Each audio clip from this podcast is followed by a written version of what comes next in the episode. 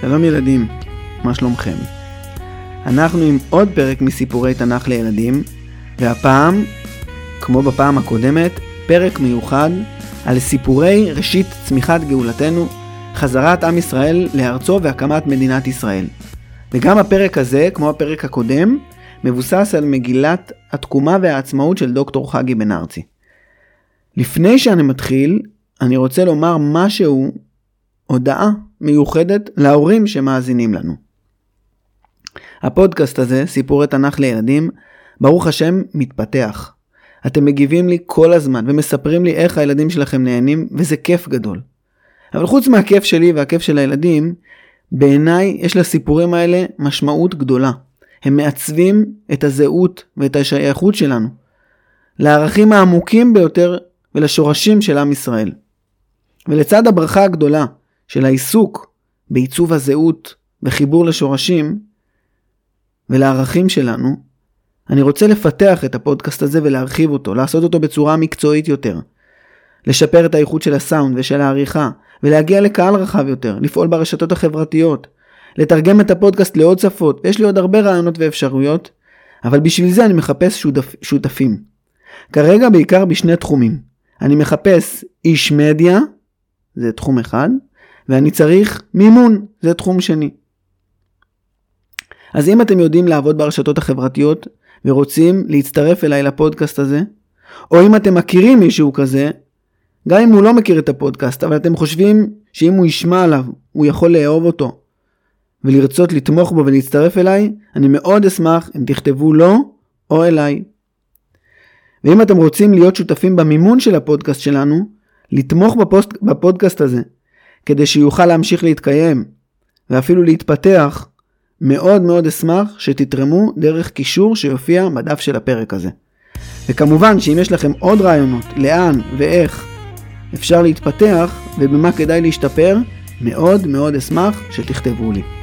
זהו, תודה רבה לכם לבינתיים, ועכשיו אנחנו עוברים לסיפור עצמו. אני רוצה לחזור איתכם היום לתקופה של בערך לפני 75 שנה. אנחנו נמצאים בארץ ישראל, אבל אין כאן מדינה יהודית. יש כאן מעט יהודים שחיים פה, וערבים, אבל אין את משטרת ישראל, ואין את צה"ל, ואין את ראש ממשלת ישראל, ואין את בית המשפט של מדינת ישראל, ובכלל, רוב היהודים לא חיים בארץ. הם חיים באירופה ובצפון אפריקה ובמזרח התיכון, אבל לא בארץ ישראל. השלטון בארץ בתקופה שאנחנו מספרים עליה הוא שלטון בריטי. ארץ ישראל היא לא ארץ בריטניה. ארץ ישראל היא ארץ ישראל והיא רחוקה מבריטניה.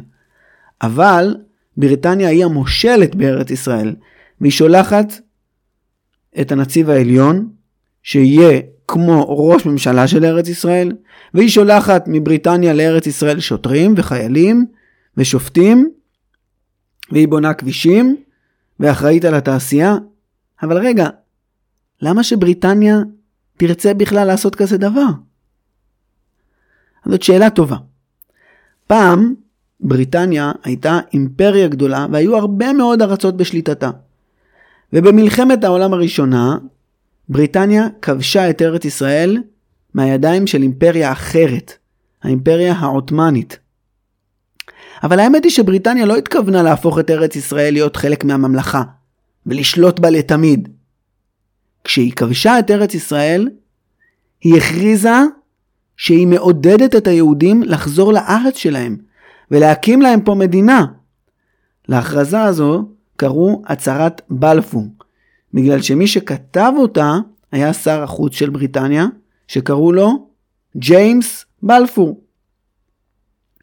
ולא רק בלפור, ולא רק בריטניה אמרה שהיא תיתן ליהודים להקים מדינה. היה אז ארגון בעולם של כל המדינות הגדולות בעולם.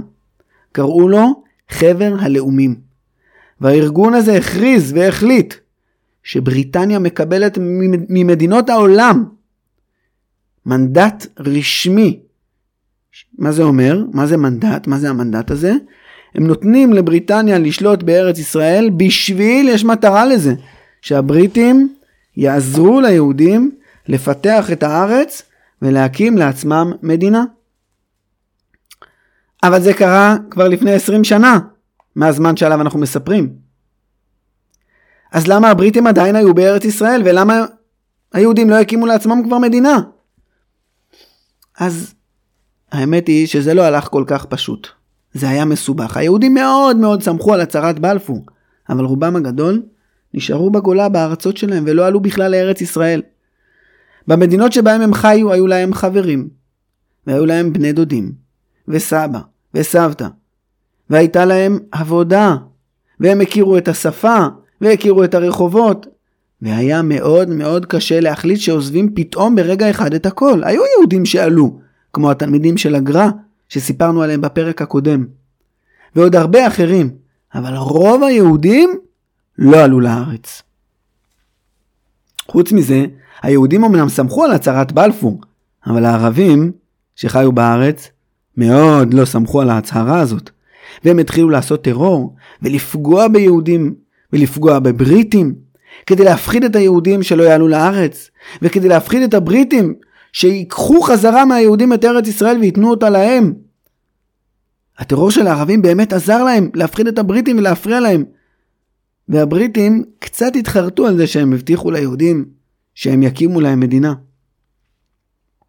בתקופה שאנחנו מספרים עליה, לפני 75 שנה, שהיה פה השלטון הבריטי, הבריטים כבר התעייפו מלשלוט על ארץ ישראל ורצו לעזוב אותה.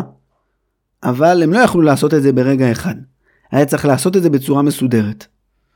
אז מה הם עשו? הם פנו לארגון של מדינות העולם, שבינתיים שינה את השם שלו, כבר לא קראו לו חבר הלאומים, קראו לו האומות המאוחדות, או בקיצור, האו"ם. והם ביקשו מהאו"ם, אתם, המדינות שבאו"ם, תחליטו מה עושים עם ארץ ישראל. הבניין של האו"ם שוכן בניו יורק, בארצות הברית. והמדינות של האו"ם החליטו שהם יעשו דיון, שנציג של כל מדינה ישתתף בדיון הזה. הדיון הזה נקבע לתאריך ח' באייר התש"ז, 1947, בדיוק לפני 75 שנה. שתי המדינות הכי גדולות וחזקות וחשובות בעולם היו ארצות הברית וברית המועצות. את ארצות הברית אתם בטח מכירים, אני לא צריך לספר לכם עליה. היא קיימת עד היום. אבל ברית המועצות זה סוג של מדינה שהיום כבר לא קיימת. לפני 75 שנה זאת הייתה ברית של כמה מדינות, זה לא מדינה אחת, ולכן קראו לה ברית המועצות. והמדינה הכי גדולה בברית הזאת שקיימת גם היום היא רוסיה. ברית המועצות וארצות הברית לא רק היו המדינות הכי חזקות וחשובות בעולם, הם גם היו אויבות אחת של השנייה, ועשו כל פעם דברים אחת נגד השנייה. ארצות הברית נגד ברית המועצות ורוסיה, ורוסיה וברית המועצות נגד ארצות הברית. ארצות הברית תמכה ביהודים ובארץ ישראל ורצתה שתהיה להם מדינה. ולכן כולם היו בטוחים שברית המועצות תתנגד לזה ממש. היא גם התנגדה לאנשים בתוך ברית המועצות שרצו לעלות לארץ ישראל, הם מאוד מאוד התנגדו לזה. ולכן כולם חיכו לעצרת לשמוע מה יגיד הנציג של ברית המועצות. כל הנציגות של, הנציגים של כל המדינות ישבו באולם הגדול של העצרת הכללית של האו"ם, ישבו בשקט וחיכו לשמוע מה יגיד אנדרי גרומיקו, כך קראו לנציג של ברית המועצות. הוא עלה לדוכן הנואמים והתחיל לדבר. הוא אמר, היהודים סבלו מאוד בשואה. אף מדינה בעולם לא עזרה להם ולא הגנה עליהם. הם רוצים שתהיה להם מדינה שתגן להם, עליהם ותעזור להם. הם צודקים, הם באמת צריכים את זה. מגיעה להם מדינה. ולכן המדינה שלי, ברית המועצות, תומכת בזה שליהודים תהיה מדינה בארץ ישראל. וואו, הוא קיבל לא רק מחיאות כפיים סוערות, אלא הנציגים של היהודים בארץ ישראל, ששמעו את הנאום הזה, שמחו מאוד מאוד. הם הבינו שיש סיכוי גדול שהאו"ם, שהאומות המאוחדות, ייתנו להם להקים מדינה. אבל הדרך הייתה עדיין ארוכה מאוד מאוד. לא החליטו בדיון הזה להקים מדינה ליהודים. החליטו משהו אחר. החליטו לשלוח חבורה של שרים ויועצים חשובים מכל העולם, שייסעו לארץ ישראל וישבו ביחד, וידברו עם אנשים מארץ ישראל, גם עם יהודים, גם עם בריטים וגם עם ערבים, יבדקו את המצב בארץ, האם הוא מתאים להקמת מדינה ליהודים או לא. הערבים בארץ ישראל, ששמעו גם הם את הנאום של אנדרי גרומיקו, הנציג של ברית המועצות, ושמעו שתהיה ועדה שתבדוק אם להקים מדינה ליהודים, כעסו מאוד. הם חשבו שהדבר הכי פחות צודק בעולם זה להקים ליהודים מדינה בארץ ישראל. מה זאת אומרת? הארץ היא שלנו. צריך להקים מדינה לנו הערבים. ולכן הם החליטו, כל המנהיגים של הערבים בארץ ישראל, לא לדבר אפילו עם נציג של המשלחת של האו"ם לארץ ישראל. המשלחת, הוועדה שהגיעה, עם השרים והיועצים שהגיעו, ישבו בחדר והזמינו אנשים אליהם, שלחו מכתבים לכל מיני מנהיגים ואנשים חשובים שיגיעו אליהם לחדר שבו הם יושבים ויספרו להם מה הם חושבים שאפשר וצריך לעשות בארץ ישראל. ערבים שהוזמנו לא הסכימו להגיע. רק יהודים ובריטים. אחד האנשים הראשונים שישב לפני הוועדה הזאת, לפני המשלחת, היה אדם שאתם בטוח מכירים את השם שלו. הוא היה ראש הממשלה הראשון של מדינת ישראל וקראו לו דוד בן גוריון. אבל אז, בשלב הזה שעכשיו אנחנו מספרים עליו, הוא עדיין לא היה ראש הממשלה, כי עדיין לא הייתה ממשלה ולא הייתה מדינה. הוא הגיע לוועדה, התיישב על כיסא וחיכה לשאלות של אנשי הוועדה. אז הם שאלו אותו, תגיד לנו דוד, כמובן באנגלית, מה אתה חושב שצריך להיות בפלסטינה? רגע, רגע, רגע. לפני שאני אומר לכם מה הייתה התשובה של בן גוריון, אתם בטח שואלים את עצמכם, מה הוא התבלבל? בין פלסטלינה לארץ ישראל? מה זה פלסטינה? אז לא, לא התבלבלתי, ולא התכוונתי לפלסטלינה, התכוונתי באמת לארץ ישראל. הבריטים ואנשים ממקומות אחרים בעולם קראו לה פלסטינה. לפני שקמה מדינת ישראל וקראו, וקראו לה ישראל, קראו לה פלסטינה. אז דוד ישב על הכיסא שלו ואמר, אני חושב שצריכה לקום מדינה יהודית. היהודים צריכים מדינה. סבלנו מאוד בשואה ובאלפי שנות גלות. יש עוד הרבה פליטים באירופה, פליטים מהשואה, שאין להם איפה לחיות. אם תקום ליהודים מדינה, היא תוכל לעזור להם. אבל דוד, שאל אותו אחד הנציגים בוועדה, למה דווקא לכם? מה, הארץ הזאת שייכת לכם? יש יהודים שחיים בכל המדינות בעולם. יש יהודים בארצות הברית, יש יהודים בברית המועצות, יש יהודים באפריקה, יש יהודים בכל מקום. דווקא בארץ ישראל אין המון יהודים. הארץ הזאת בכלל אולי לא שייכת לכם. דוד הסתכל עליו, ואז הוא הוריד את העיניים לתיק שהיה מונח ליד הרגליים שלו. הוא הרים את התיק הזה, הניח אותו על הברכיים, והוציא ממנו ספר. עבה וישן. הוא הניח את הספר הזה על השולחן. כולם ראו שזה התנ"ך. ודוד אמר, אתם רואים את התנ"ך? הספר העתיק הזה הוא הקושן שלנו. הוא הסיפור שמלמד על זה שארץ ישראל היא של עם ישראל. חברי הוועדה התרשמו מאוד. הם אמרו לדוד תודה רבה, והוא יצא לשלום, והם המשיכו את הדיונים שלהם.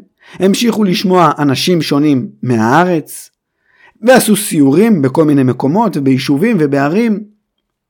ואחרי כמה שבועות הם ישבו ביחד לכתוב מכתב לאו"ם. ובמכתב היה כתוב, חברי האומות המאוחדות היקרים, אנו, חברי המשלחת שבחנה את פלסטינה, חושבים שהפתרון הטוב ביותר הוא להקים בארץ, בפלסטינה, שתי מדינות. מדינה אחת יהודית ומדינה אחת ערבית. רוב הארץ תהיה שייכת למדינה הערבית, וחלק ממנה יהיה המדינה היהודית. בהמשך של המכתב היה כתוב בדיוק איזה חלקים יהיו במדינה היהודית ואיזה חלקים יהיו במדינה הערבית. הערבים ששמעו על המכתב הזה ועל ההצעה של המשלחת כעסו עכשיו מאוד מאוד. מה פתאום שחלק מהארץ שלנו יהיה שייך ליהודים? הארץ שייכת כולה רק לנו. צריך להתקיף את היהודים יותר חזק, ולגרש אותם מכאן, וללמד אותם לקח. והם באמת התחילו בעוד ועוד ועוד התקפות.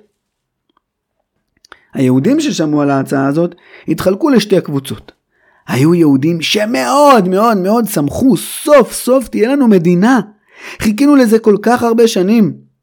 אבל היו יהודים שגם הצטערו, או אפילו רק הצטערו. איזו מין מדינה זאת תהיה? מדינה מאוד מאוד קטנה. בלי ירושלים, עיר הבירה שלנו. בלי יפו. בלי עכו. בלי באר שבע. ובלי עוד הרבה הרבה מקומות חשובים שבמכתב של הוועדה היה כתוב שהם לא היו שייכים למדינה היהודית. בחודש כסלו, שנת תש"ח, התכנסו שוב הנציגים של כל המדינות בעצרת האומות המאוחדות בניו יורק לדון במכתב שהיה כתוב מהוועדה, מהמשלחת ששלחה את המכתב לאו"ם. והפעם הם לא התכנסו רק לדיון, זה היה גם דיון שכל אחד אמר מה הוא חושב ושכנע את חבר שלו, את הנציגים האחרים, אבל בסוף הדיון הייתה צריכה להיות הצבעה, ובהצבעה יחליטו סופית מה יקרה עם ארץ ישראל ואיזו מדינה תקום בה. בשביל לאשר את ההצעה הזאת, לא היה מספיק כמו בדיונים אחרים שרוב המדינות, רוב הנציגים באו"ם יתמכו בהצעה.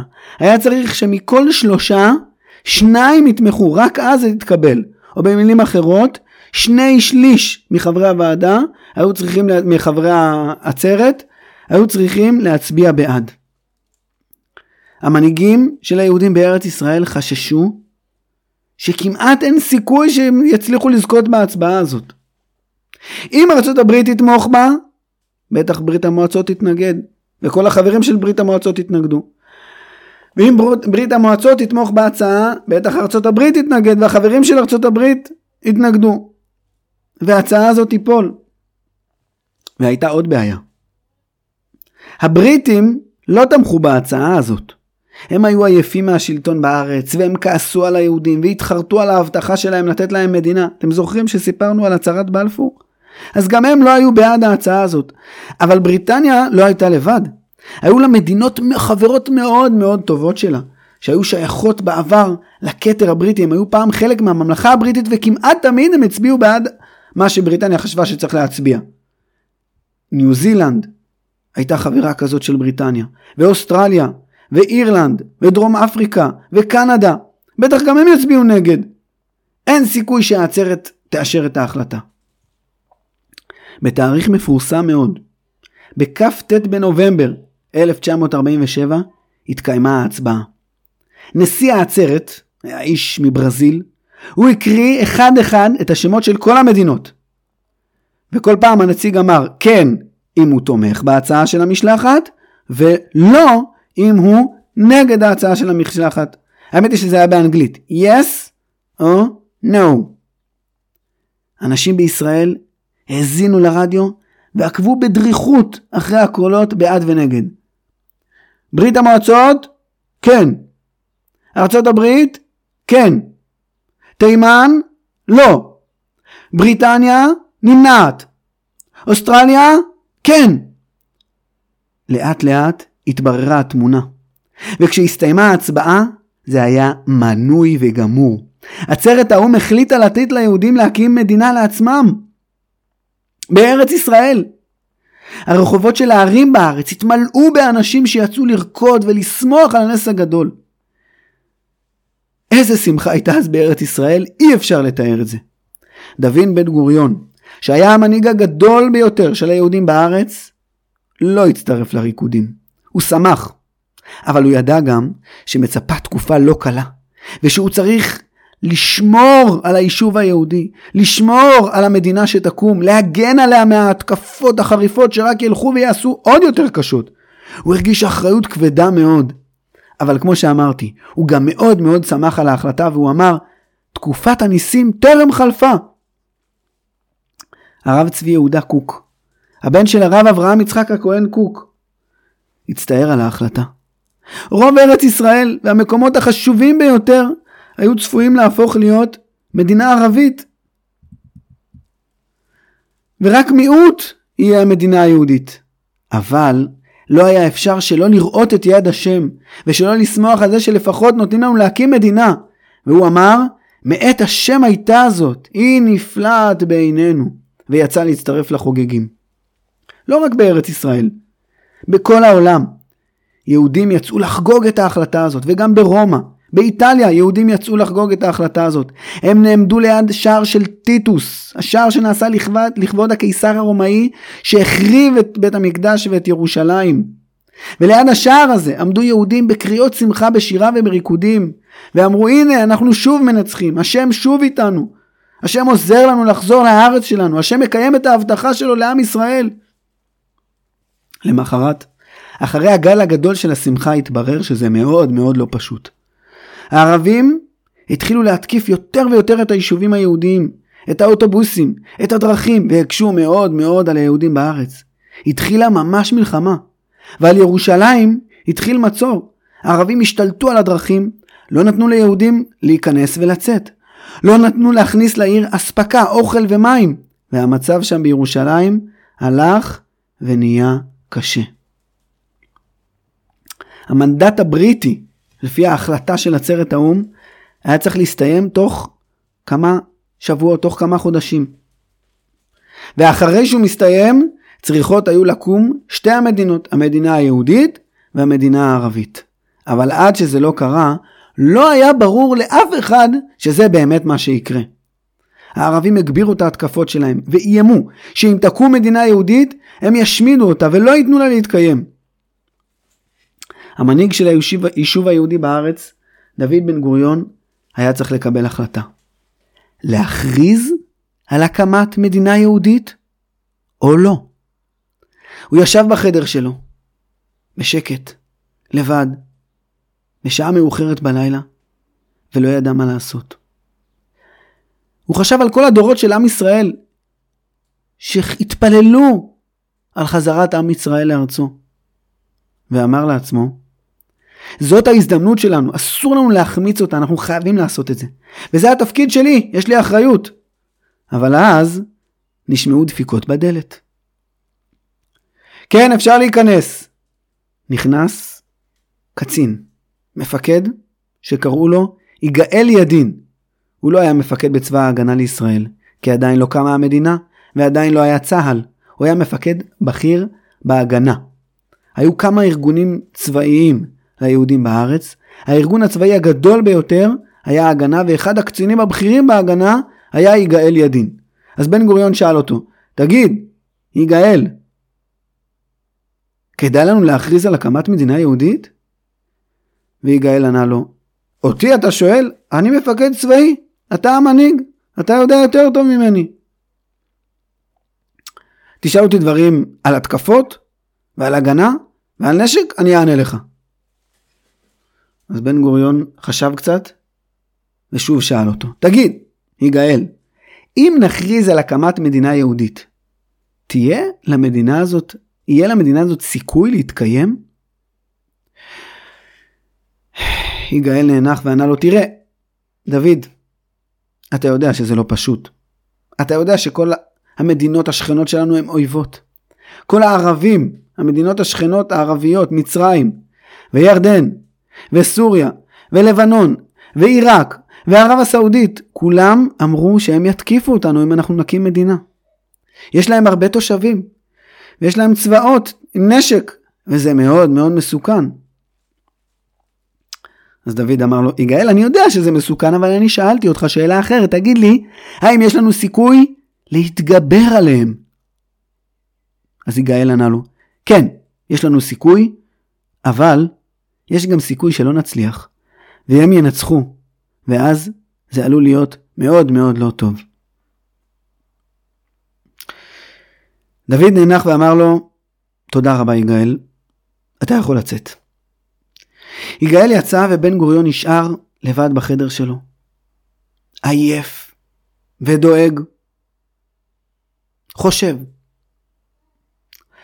עברו עוד כמה דקות, ושוב דפיקה בדלת. נכנס העוזר של בן גוריון. אדוני, יש לך טלפון שהגיע מארצות הברית. מזכיר ההגנה, שזה בעצם ככה האמריקאים קוראים לשר הביטחון שלהם שאחראי על הצבא ועל כל ההגנה, רוצה לדבר איתך. Yes, hello, what do you want? Mr. בן listen to me. תקשיב לי, אדון בן גוריון, כך אמר מזכיר המדינה האמריקאי. הברית מתנגדת למלחמה. אנחנו שמענו שאם אתם תכריזו על הקמת מדינה יהודית, תהיה מלחמה בארץ, הערבים יפתחו במלחמה. אני לא רוצה שזה יקרה, ולכן ארצות הברית מבקשת ממך לא להכריז על הקמת מדינה יהודית. ואם אתם כן תכריזו, אנחנו לא נמכור לכם נשק, ולא נתמוך במדינה שלכם, ולא נכיר בה. אנחנו מבקשים מכם, תחכו עם ההכרזה. אל תהיו פזיזים, תחכו עד שתגיעו להסכם עם הערבים, ואז תכריזו על הקמת מדינה. בסדר? בן גוריון ניסה לענות לו ולהסביר לו, אבל אדוני, מיסטר סקרטרי, אבל אז הנשיא, השר האמריקאי אמר לו, טוב, אני עסוק מדי, תודה רבה, להתראות, וסגר את הטלפון. בן גוריון שוב נשאר לבד. מאוד לבד, בלי תמיכה אמריקאית, ועם סיכוי למלחמה קשה. מה עושים? בן גוריון עצם את העיניים.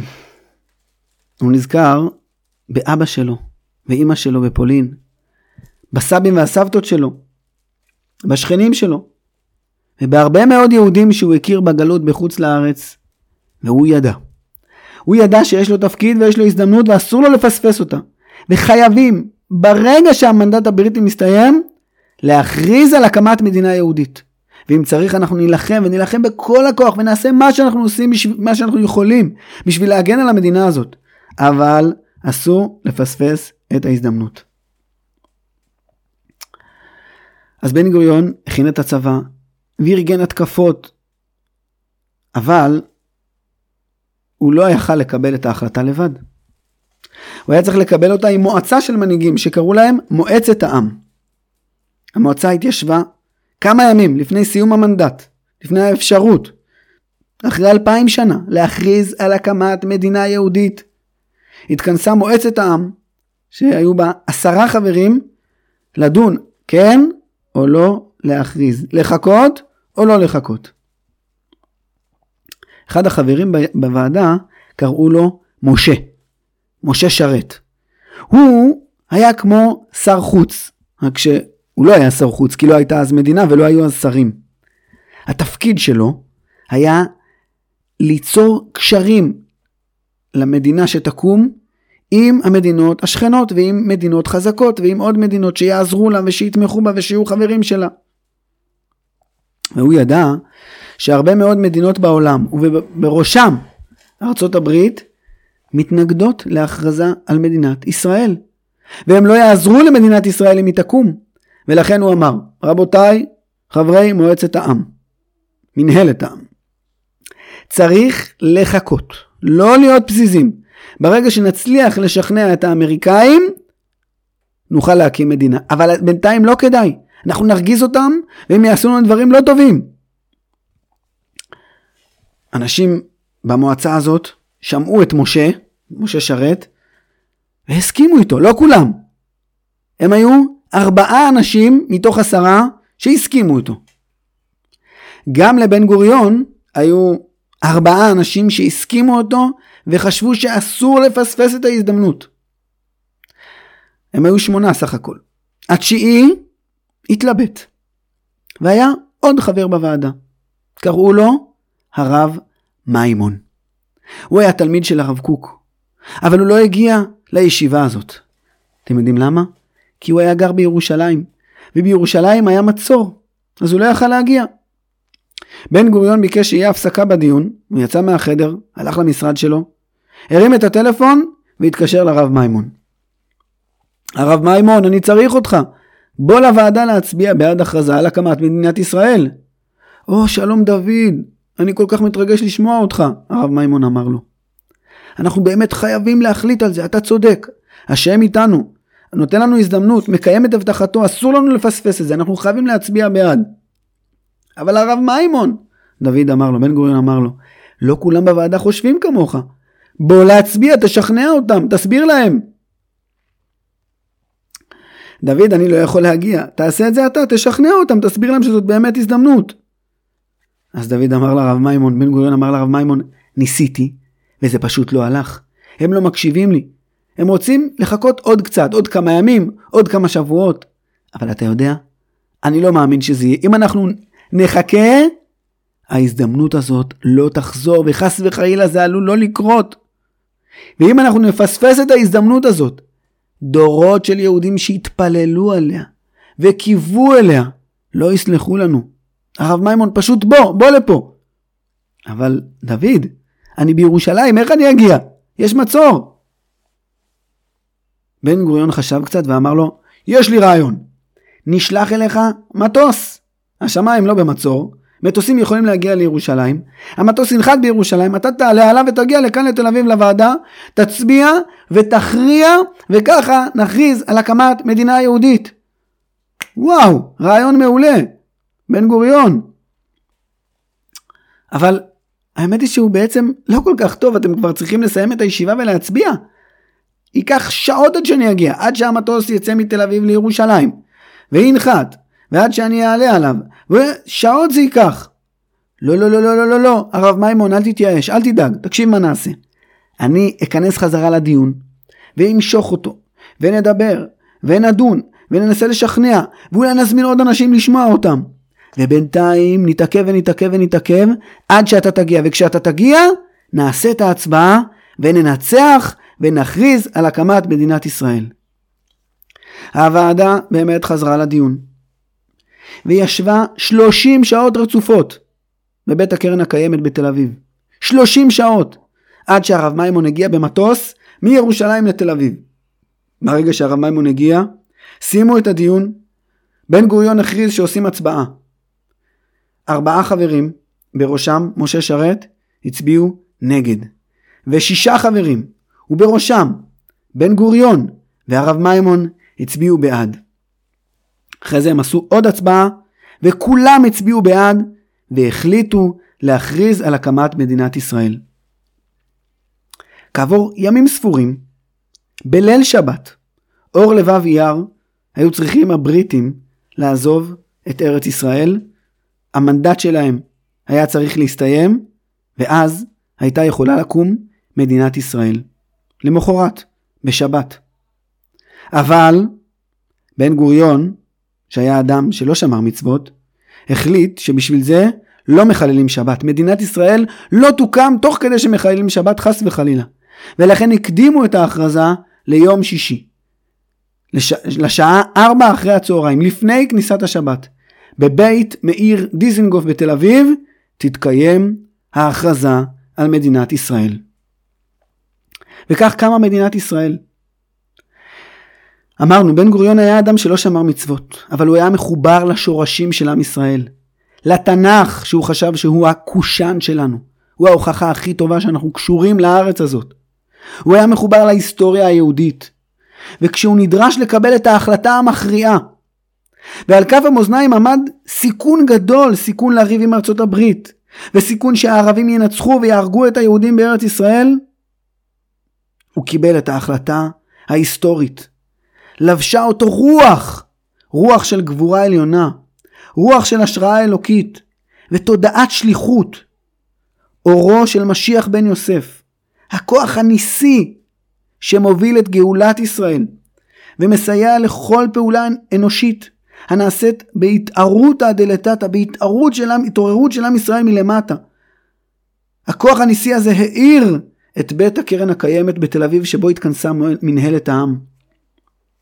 וביום שישי, ה' באייר, תש"ח, לפני 74 שנים, דוד בן גוריון, בראש כל הנציגים של כל התנועות והזרמים במדינה הצעירה, כולם חתמו, כולם הסכימו, כולם היו ביחד, ודוד בן גוריון הכריז, אנו מכריזים בזאת על הקמת מדינה יהודית בארץ ישראל, היא מדינת ישראל. זהו, זה הסיפור שבחרנו לספר הפעם על סיפורי ראשית צמיחת גאולתנו, על חזרת עם ישראל לארצו והקמת מדינת ישראל. אנחנו נעצור כאן, ואנחנו ניפגש בעזרת השם בפעם הבאה של סיפורי תנ"ך לילדים עם סיפורי ספר שופטים. תודה רבה שהאזנתם לנו. להתראות.